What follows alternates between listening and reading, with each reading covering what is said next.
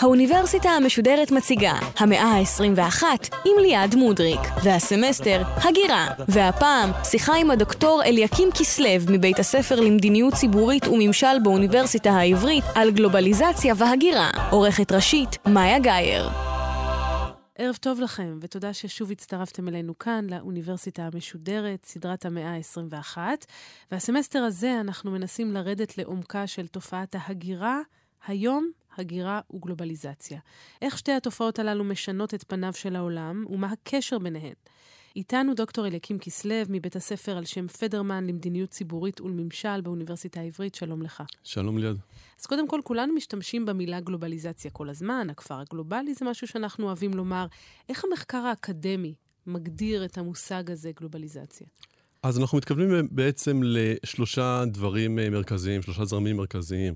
כסף, טכנולוגיה ואנשים. אנשים זה הגירה. כסף זה מסודות מסחר, וכמובן חברות מאוד גדולות, חברות בינלאומיות. וטכנולוגיה זה מה שאנחנו מכירים היום כפייסבוק, ופעם זה היה באמת המכוניות, רכבות, מטוסים שכיווצו את העולם. המוביליות בין מדינות, בין מקומות שונים, היא גדלה, כך גם הסחר גדל, והגירה כמובן. ויש נקודת זמן שאפשר לשים עליה את האצבע, שבה התחילה הגלובליזציה? זה מאוד תלוי על מה את מדברת. אם את מדברת על הגירה, אנחנו מדברים על uh, סוף המאה ה-19, תחילת המאה ה-20, זה היה הפיק הגדול, ההגירה הגדולה לארצות הברית. מאירלנד, נורבגיה, איטליה, מזרח אירופה כמובן. אחרי מלחמות העולם, כמובן עוד גלי הגירה מאוד גדולים. אם אנחנו מדברים על חברות בינלאומיות, אנחנו מדברים על הפיק הגדול בשנות ה-80. ברגע שהתחילה הליברליזציה בשווקים, של מייג'ור, של תאצ'ר, אנחנו מתחילים אה, לדבר על חברות גדולות שתופסות יותר ויותר עוצמה, תופסות יותר ויותר נפח, באמת פותחות אה, סניפים בכל העולם. ואז אנחנו רואים באמת אה, איזושהי התפשטות של החברות הבינלאומיות, מה שאנחנו קוראים Transnational Corporations, מתרחבים בכל העולם, וזו הקפיצה הגדולה של, ה, של החברות הבינלאומיות. הזכרת את מרגרט תאצ'ר, אולי לפני שנמשיך, בוא נשמע קטע שבו היא מתייחסת להתפתחות גם הטכנולוגית התעשייתית הזו, וגם הצורך של בריטניה להתמודד איתה. We have achieved a lot in seven short years, but there's still a great deal to be done for our country. The whole industrial world is seeing change at a speed that our forebears never contemplated, much of it due to new technology. Old industries are declining, new ones are taking their place. Traditional jobs are being taken over by computers. It would be foolish to pretend that this transition can be accomplished without problems. But it would be equally foolish to pretend that a country like Britain which is so heavily dependent on trade with others, can somehow ignore what is happening in the rest of the world. אז אומרת מרגרט תאצ'ר, בדרך, בפתוס השמור לה, היא אומרת, כל העולם התעשייתי משתנה בדרכים שאבותינו לא יכלו לדמיין, בעיקר בזכות טכנולוגיות חדשות, תעשיות ישנות קורסות ותעשיות חדשות תופסות את מקומן, עבודות מסורתיות של אנשים נתפסות על ידי מחשבים. יהיה זה מטופש להאמין שהשינוי הזה יושג בלי בעיות, אבל יהיה מטופש באותה מידה להעמיד פנים שמדינה כמו בריטניה, שתלויה כל כך במסחר עם מדינות אחרות, יכולה איכשהו להתעלם ממה שקורה מסביב לעולם. אז היא מתייחסת כמובן להתפתחות הטכנולוגית ששינתה, ואנחנו יודעים כמה בריטניה ספגה קשה את השינוי מתעשייה מסורתית לתעשייה אה, מודרנית, בעיקר בתקופתה של תאצ'ר. אבל מעבר לזה היא מדברת על הצורך של בריטניה להתאים את עצמה לעולם. כלומר, הכלכלה היא כבר לא כלכלה מבודדת מדינתית, היא חייבת לחצות גבולות. כן ולא, תאצ'ר בהחלט מודעת לתהליכי הגלובליזציה שעוברים על המדינה שלה. היא גם בפועל באמת עושה אה, תהליכים של אה, ליברליזציה, של השווקים, של המטבע. החברות הבריטיות באמת נפתחות לעולם. מצד שני, חייבים לזכור שתאצ'ר התנגדה במשך כל השנים שלה לאיחוד האירופי.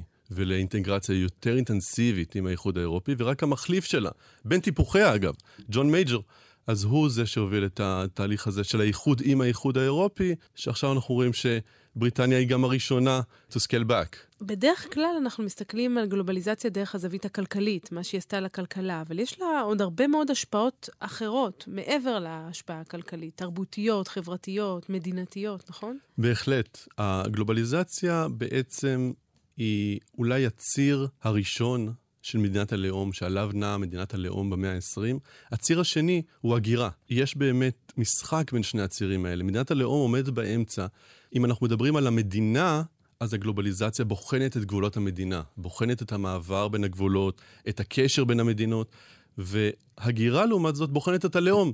כך שמדינת הלאום נבחנת בין שני הצירים האלה. אני מנסה להבין את מה שאתה אומר. אז אתה אומר, מבחינת הגלובליזציה, יש כאן ניגוד אולי בין המסגרת המדינתית, הגבולות, החוקים, הכללים, לבין המסגרת הגלובלית. כשאתה מדבר על ההגירה, אתה מדבר על האנשים ועל הלאום. בדיוק. כלומר, כאן כבר לא מועמדת מראה מול הזהות הלאומית של המדינה, אלא מול הזהות הלאומית של האדם במדינה, האזרחים במדינה. בוודאי, וגם הרכב האוכלוסייה. אנחנו לא מדברים רק על זהות, אנחנו מדברים גם על הרכב האוכלוסייה שהולך ומשתנה.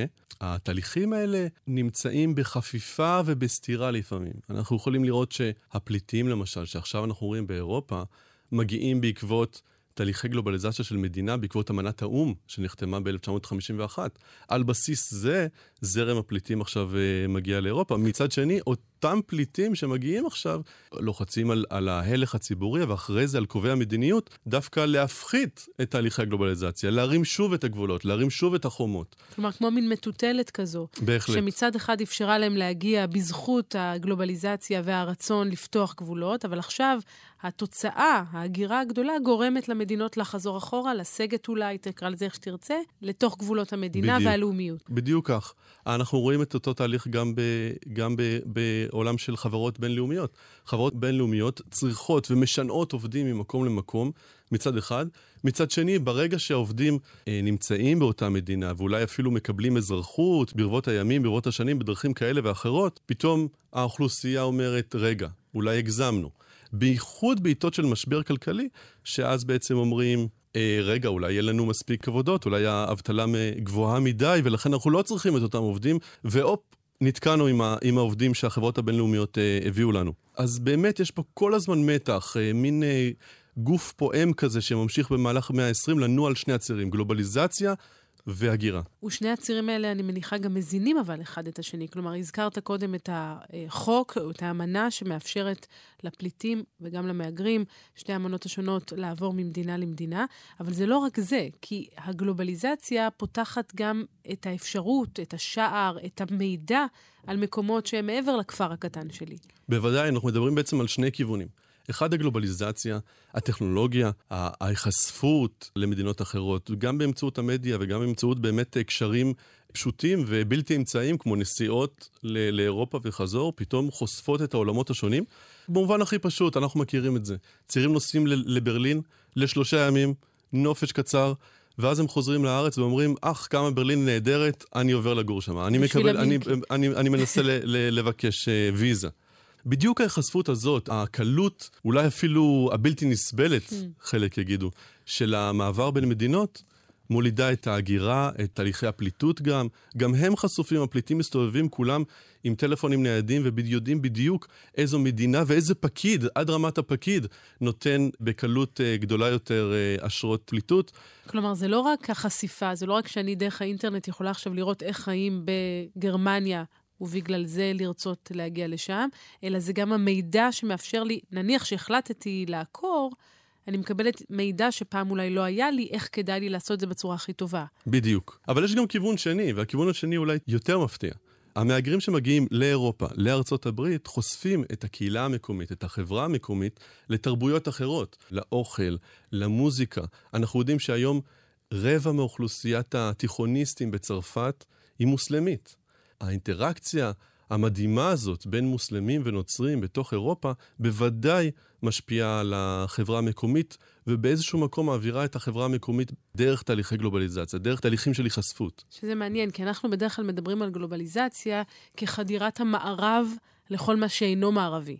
עכשיו האנשים באפריקה או באסיה, או איפה שזה לא יהיה, נחשפים לתרבות אה, האמריקאית, האירופית, אבל אתה מתאר גלובליזציה הפוכה. אתה מתאר את המצב שבו אלה המהגרים שהגיעו לאירופה, לארצות הברית, משנים את פניה של המדינה הקולטת והופכים אותה ליותר גלובלית. בהחלט. האינדיקטור הכי טוב לזה זה הסנטימנט ההולך וגובר בתוך אירופה נגד הגירה, נגד uh, תרבויות אחרות.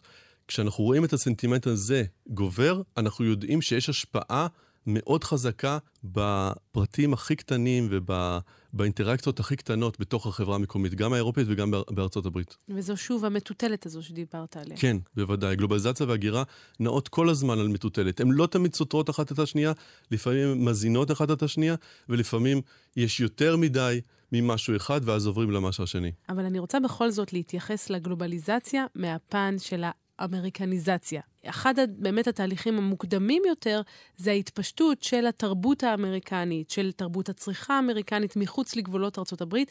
נדמה לי שאולי הסמן הכי בולט של זה זה מקדונלדס. בואו נשמע דוגמה לפרסומות שונות של חברת מקדונלדס במדינות שונות שמבטאות קצת את התהליך הזה. Now you can supersize your McDonald's extra value meal with a supersize order of our golden fries plus a large Coke for just 39 cents more. Get huge! What you want is what you get. Supersize for 39 cents more. At McDonald's today. 麦当劳麦乐天天超值选，挚爱美味只需六元。这一刻，手指终于找到挚爱。Dólar menú de McDonald's y sus muchas ricas opciones, a un dólar cada una. El simple gusto de querer a todos por igual. מקדונלדס מזמינה אתכם ללכת על גחלים וליהנות מהטעם המדהים של מקרויאל על גחלים. אז הנה, מקדונלדס בשפות אקזוטיות שונות, ביניהן העברית. זה שאני שומעת על מקדונלדס בישראל הופך אותי יותר למהגרת פוטנציאלית? זו שאלה, זו שאלה. יהיו כאלה שיגידו שמקדונלדס מביאה איתה ערכים ותרבות אמריקאית. החלום האמריקני. החלום האמריקאי וגם פשוט הפסט פוד, הכל מהיר, הכל זמין, הכל עכשיו, ולדרך. לא צריך להתעכב יותר מדי. אבל יהיו ש... שיגידו שמקדונלדס היא רק uh, חברת שיווק גלובלית, זה נכון, אבל ההשפעה שלה בסופו של דבר מתמצה בקציצה, חסה ועגבנייה. זה הכל, זה הכל.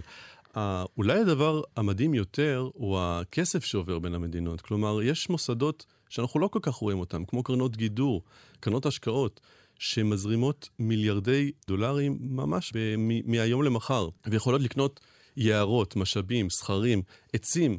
במדינות כמו אפריקה או אסיה, ולהפיק מהם רווח. סוג של קולוניאליזם חדש כזה? במובן מסוים, ללא הסנטימנטים, ללא הסנטימנטים של התרבות, אם תרצי. יהיו כאלה שיגידו שזה בא עם ערכים תרבותיים של כסף זה הכל. יהיו כאלה שיגידו שזה רווח ללא סנטימנטים. אבל אנחנו בהחלט רואים כפרים שלמים שזזים ממקום למקום בגלל שהסכר נקנה על ידי קרן גידור כזאת או אחרת, שחושבת שהרווח... יופק בצורה מיטבית יותר, אם יחסמו אותו, ישנו את האפיק. אז זה לא דבר... הגירה, אבל זו בהחלט עקירה תלוית גלובליזציה. בחלק מהמקרים בהחלט מדובר על uh, באמת uh, עקירה. לא רק חברות בינלאומיות, גם מדינות שמשקיעות. גם סין קונה היום המון נכסים באפריקה. גם היא חושבת שיש שם הרבה רווח לעשות, ולה יש גם כמובן אינטרסים פוליטיים, בינלאומיים בעניין הזה. זה מרתק העניין, ואני מנסה אבל לחזור ולחבר את זה לנושא של הגירה, ולהבין באמת אם הגל הגדול של ההגירה שאנחנו רואים היום, או שראינו ודאי אה, לפני כמה עשורים, באמת קשור לתהליכים של גלובליזציה, כי כפי שאמרת, ההגירה הייתה עוד בסוף המאה ה-19, ועוד לפני כן, אתה יודע, גם אנחנו גלינו לגלות בבל, אז קשה קצת אה, אולי לומר שהגלובליזציה היא הכוח המניע של הגירה, או שאני טועה. לא, לא, היא באה ליד. בהחלט, ככל שיש יותר מהגרים אה, בתוך ארצות אה, אירופאיות, בתוך, אה, בתוך ארצות הברית, אז יש איזשהו לחץ או איזשהו קשר בין, אה, שנוצר בין מדינות שונות. מה שמעניין, שבאמת הכסף שעליו דיברתי, הכסף הגדול שזז ממקום למקום, גם הוא מניע. כלומר, אנחנו מדברים על תהליכים של displacement. של אה, מניעים אה, קפיטליסטיים, יש יאמרו, אה, מזיזים אוכלוסיות או דוחקים אוכלוסיות. אנחנו רואים אותם גם דוחקים אוכלוסיות מתוך הכפרים האלה שהיו ליד הסכרים, אבל גם מזמינים הגירה פנימית, למשל בתוך סין, אל העיר. והעיר, במובן הזה, נהפכת גם היא, א', לגלובלית, כן. וב' למורכבת הטרוגנית, מורכבת מאוכלוסיות רבות. אז דיברנו על ההגירה והכסף, דיברנו על ההגירה והטכנולוגיה שהגלובליזציה אה, מאפשרת, דיברנו על הגלובליזציה ועל התמונה המדינתית, זאת אומרת, העובדה ששני הכוחות האלה, הלאומי והגלובלי, נראים כפועלים אחד אה, אה, מול השני. בואו נדבר רגע על ישראל. איך אנחנו משתלבים בתוך המארג המורכב הזה? ישראל היא מאוד מעניינת במובן הזה שמצד אחד אנחנו תחת איום מתמיד, או לפחות תחושת איום מתמידה, ולכן הסנטימנט הפטריוטי אה, גובר, ולכן יש אה, נטייה ללוקליזם. דווקא. מצד שני... שזה אגב לא רק בישראל, נכון? זה בעצם בכל, אנחנו רואים עכשיו באירופה, אנחנו רואים בארצות הברית בחירתו של טראמפ. זאת אומרת, הגלובלי והלוקאלי מתנגשים כל הזמן. באיזשהו מקום. באיזשהו מקום. ישראל היא בהחלט איזושהי נקודת קיצון אה, לעניין הזה. מצד שני, ישראל, אולי כמו ארצות הברית, מכיוון שישראל נמצאת קרוב להרבה מדינות, אבל רחוק מבחינת סחר, אנחנו לא יכולים אה, לסחור עם המדינות השכנות שלנו, אנחנו חייבים תהליכי גלובליזציה, אנחנו חייבים להיכנס לשותפויות בינלאומיות, כמו שותפויות עם האיחוד האירופי בארה"ב, בעניינים של אה, מחקר, של סחר. במובן הזה, ישראל מחויבת ונושמת את התהליך הגלובלי. ולא יכולה בלעדיו בעצם. לא יכולה בלעדיו. אבל למרות זאת, אנחנו גם רואים את הכוחות המתבדלים, כמו בכל העולם. הכוחות שאומרים, לא מעניין אותנו העולם, אנחנו נעשה מה שנכון לנו, ואנחנו לא רוצים לשמוע אולי מה אחרים אומרים, או מה אומר האו"ם, או מה אומרת ארצות הברית, אולי עכשיו זה ישתנה. כן, המתח בהחלט קיים. המתח קיים כל הזמן בישראל. בישראל יש אפילו רבדים נוספים, כמו רבע מהאוכלוסייה הישראלית לא נולדה בישראל. אם נשווה את זה לאירופה למשל, אנחנו מדברים על 6% שלא נולדו באירופה. 6% אירופים שלא נולדו באירופה. כמובן שיש שם תחלופה בין המדינות בתוך אירופה, אנשים שנולדו באוסטריה וגרים כן. כרגע בגרמניה. אבל 6% בסך הכל, זה מה שאנחנו מדברים על אנשים שלא נולדו באירופה ו- ונמצאים כרגע באירופה. וזה כבר אנחנו רואים מעלה את הסנטימנט הלאומי, יש כאלה שיגידו לאומני, בתוך אירופה. בישראל אנחנו מתמודדים עם אוכלוסייה של רבע שלא נולדו בישראל, ועוד כמובן אוכלוסיית... והיגרו אליה. ועוד אוכלוסייה של 20% של מיעוטים, של מיעוטים אה, שבעיקר מורכבים אה, מהמיעוט הערבי, גם הוא צריך למצוא את, אה, את מקומו בתוך ישראל. ואיך הגלובליזציה באמת באה לידי ביטוי לגבי המיעוט הערבי למשל? דווקא במובן הזה זה מאוד מרתק. המיעוט הערבי מצד אחד הוא מאוד לוקאלי. הוא מיעוט אתני בתוך הקהילה הישראלית היהודית, חברת הרוב, אבל מצד שני, דווקא מהמקום שלו אנחנו רואים תהליכים של קפיצה מעבר לאתגרים הלאומיים, האתגרים האתניים שנמצאים מולו, ודווקא כניסה של כוחות גלובליים. למשל, פארק ההייטק שהוקם בנצרת, בעצם מקפיץ את החברה הערבית לרובד הגלובלי. אנחנו עושים עכשיו אה, מחקר מאוד מעניין שמראה שדווקא ההייטק, שהוא גלובלי, אוניברסלי, בסופו של דבר לתכנת זו איזושהי שפה שחוצת לאומים. כן. גם בהודו מתכנתים, גם בארצות הברית מתכנתים. החברה הערבית שנכנסת להייטק, נכנסת לאיזושהי ספירה גלובלית ומצליחה לקפוץ מעל האתגרים שהחברה הישראלית מציבה אליה. ולכן אנחנו רואים שהמיעוט המאוד לוקאלי דווקא נעזר ברובד המאוד גלובלי כדי לפרוץ קדימה, כדי לשפר את הסטטוס הסוציו-אקונומי שלו וכולי. שזה מעניין, כי אתה מדבר על ההייטק כדרך של ערביי ישראל אולי להשתלב במערך הגלובלי החוץ-ישראלי. הנה קטעים שאמרו חלק מהעובדים באותו פארק הייטק שהזכרת בנצרת, כשהוא נפתח, הם מתייחסים דווקא לאפשרות להשתלב בציבור הישראלי, גם היהודי. בוא נשמע. זה הזדמנות, זה לבוא לעבוד בלב הישראליות. בהייטק, שזה ה top של אה, מה שאנשים עובדים פה. זה הייטק בנצרת, זה ממש שיפור. בדרך כלל, כאילו, בן אדם שמסיים לימודים בהייטק, אין לו ברירה חוץ מהמרכז. אז אנחנו רואים, זה לא רק היכולת להשתלב עם ירדן או מצרים, או לא משנה איך, דרך ההייטק, אלא דווקא אולי עם הכי קרובים שהם הכי רחוקים, שזה הישראלים היהודים. השאלה באמת, גם בתוך חברה, אנחנו מדברים על אספקטים שונים. ו... אני חושב שמה שהם מדברים פה זה באמת איך הם מתחברים לנקודות הקוסמופוליטיות בתוך החברה הישראלית, לנקודות הגלובליות בתוך החברה הישראלית. בהחלט, גם ההייטק הישראלי וגם ההייטק הערבי יכולים להשיק בנקודה הזאת וליצור איזושהי אחדות. כלומר, באיזשהו מקום הערבים במובן הזה מצטרפים ל start-up nation. מושג שהוא לאומי במובן מסוים, כן. הם מצטרפים אליו. דרך נקודות ההשקה הגלובליות, דרך המסלולים החדשים שנפתחו. אבל המסלולים החדשים האלה, גם בהייטק, גם באקדמיה, מובילים לאחד הנושאים שמדברים עליו לא מעט גם כאן בארץ, והוא בריחת המוחות. זאת אומרת, אם אני אחרי הדוקטורט הולכת לעשות פוסט-דוקטורט באוניברסיטה יוקרתית בחו"ל, יכול להיות שאני לא ארצה לחזור, ובאמת יש ניסיון של האקדמיה הישראלית גם להחזיר אליה את המוחות הבורחים. אולי נשמע בהקשר הזה את פרופ' רות ארנון, נשיאת האקדמיה הישראלית למדעים, ואז נמשיך לדבר. לפי הצפי, של אה, פרישה במוסדות להשכלה גבוהה יהיה מחסור די גדול באנשי סגל במהלך חמש או עשר השנים הקרובות. לכן המשיכה של אקדמאים חוזרים ארצה היא ממש אתגר שהוא חשוב מאוד לנו. אז זה אולי אחד החסרונות של הגלובליזציה? זאת אומרת, הגירה שלילית, איכותית, מחוץ למדינה, אל האבן השואבת, נגיד, האקדמיה האמריקנית, או עמק הסיליקון?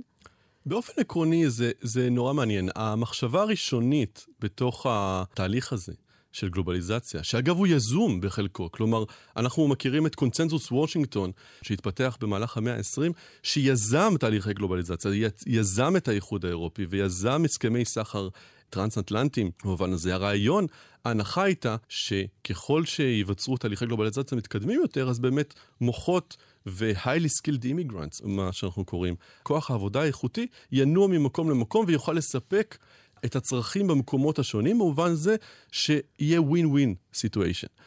היום אנחנו מדברים יותר על באמת גם בריחת מוחות, כלומר מהאינטרס של כל מדינה, פתאום היא מאבדת את הכוחות שלה, אבל צריך לראות את התמונה הכללית. התמונה הכללית היא שאנחנו נעזרים במוחות מחוץ לארץ, אנחנו נעזרים גם במוחות שעוברים מישראל לארצות הברית. במובן הזה אנחנו כבר לא מדברים על brain drain, אנחנו מדברים על brain circulation.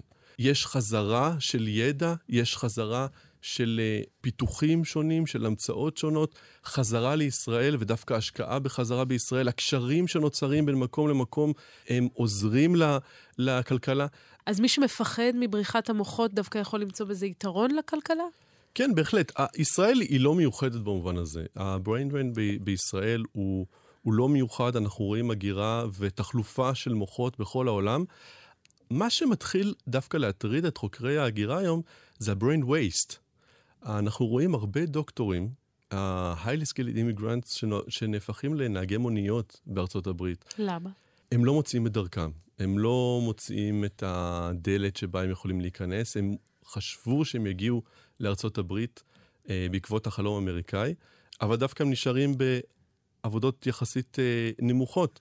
אנחנו יודעים גם בישראל, העלייה הרוסית, העלייה הרוסית, בוודאי, בדיוק. בוודאי. העלייה, העלייה הרוסית שהגיעה לפה, מטעמים שלה, ומלחצים, מה שאנחנו קוראים push and pull factors. מהpush factors שלה ומהpull factors שלה, אבל עדיין אנחנו רואים שההשתלבות היא איטית, היא לא ברורה, היא לא בקו ישר, כלומר גלובליזציה היא לא כל כך יעילה כמו שחשבנו. אנחנו עכשיו ממש מתקרבים לסיום. אני רוצה לחזור למטוטלת ההיא טלטלת לנו בתחילת התוכנית, ולשאול באמת באיזה כיוון היא עכשיו נעה. זה באמת הולך לאנטי-גלובליזציה, לאומנות יותר, לאומיות והתבדלות, או שדווקא הדבר הזה זה איזשהו אולי אה, חריגה קטנה במסלול, ועוד רגע הגלובליזציה תחזור לאותו כיוון שראינו יותר בשנות ה-90, או אולי אה, המאה ה-21 תחילתה? מתפתחים כרגע, האמת, אה, שני כיוונים. כלומר, עד המשבר הכלכלי, עד המשבר הכלכלי ב-2008, אנחנו חשבנו שהגלובליזציה זה win-win situation. כן. כולם מרוויחים מזה. קצת כמו קץ ההיסטוריה. כן, הייתה, הייתה איזושהי אופטימיות. אבל ברגע שהשמיכה מתקצרת ויש אה, משבר כלכלי, ואנחנו יודעים את זה, זה לא פעם ראשונה שזה קורה. גם בפעם הראשונה, ב-1929, במשבר הכלכלי הגדול, כבר אז, מיד, הכלכלה הפרוגרסיבית, מה שנקרא, נכנסה לפועל, ואנחנו ראינו הרמת מכסים, הגבלה של הגירה, יצירת קרטלים, פטריוטיות גוברת, עד שהגענו כמובן למלחמת העולם השנייה, שאנחנו מקווים שלא נגיע אליה הפעם. גם הפעם, גם המשבר הכלכלי של 2008, הוליד איזושהי מחשבה מחודשת על תהליכי הגלובליזציה, וכרגע יש שני כיוונים. הכיוון האחד אומר, זה win-lose situation, אנחנו צריכים להגן על עצמנו. יש מי שמרוויח מהעניין הזה ויש מי שמפסיד מהעניין הזה. במובן הזה יש מדינות אחרות שמרוויחות על חשבוננו ויש חברות גלובליות שאנחנו צריכים שוב לרתום להדקורטס שלהם, להחזיר אותם בחזרה למקום שלהם. מהצד השני, יש כאלה שיגידו, זה בסך הכל שהשמיכה מתקצרת. אנחנו צריכים לראות איך לעשות... איך לעשות אותה יותר ארוכה. איך לעשות אותה יותר ארוכה, ואיך לחלק אותה בצורה שתרגיע כרגע את הכוחות המקומיים, אבל אחרי זה באמת אה, תוכל אה, להימתח שוב על פני החברות השונות, על פני המדינות השונות. אז נקבע פה בעוד 20-30 שנה כדי לראות מי צדק? כן, בוודאי, הלוואי עוד חמש שנים. טוב, אני מבינה שזה סדרי גודל יותר קצרים ממה שנדמה לי. דוקטור אליקים כסלו, תודה רבה לך. תודה לך. תודה רבה, ותודה גם לכם על ההאזנה. אנחנו ניפגש כאן גם בשבוע הבא, בתוכנית נוספת של האוניברסיטה המשודרת.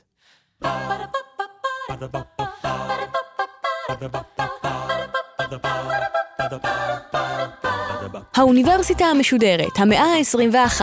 ליעד מודריק שוחחה עם הדוקטור אליקים כסלו מבית הספר למדיניות ציבורית וממשל באוניברסיטה העברית על גלובליזציה והגירה. עורכת ראשית, מאיה גאייר. עורכת ומפיקה, נוגה קליין. מפיקה ראשית, אביגיל קוש. מנהלת תוכן, מאיה להט קרמן. עורך דיגיטלי, עירד עצמון שמייר. האוניברסיטה המשודרת, בכל זמן שתרצו באתר וביישומון של גל"צ, וגם בדף הפייסבוק של האוניברסיטה המשודרת.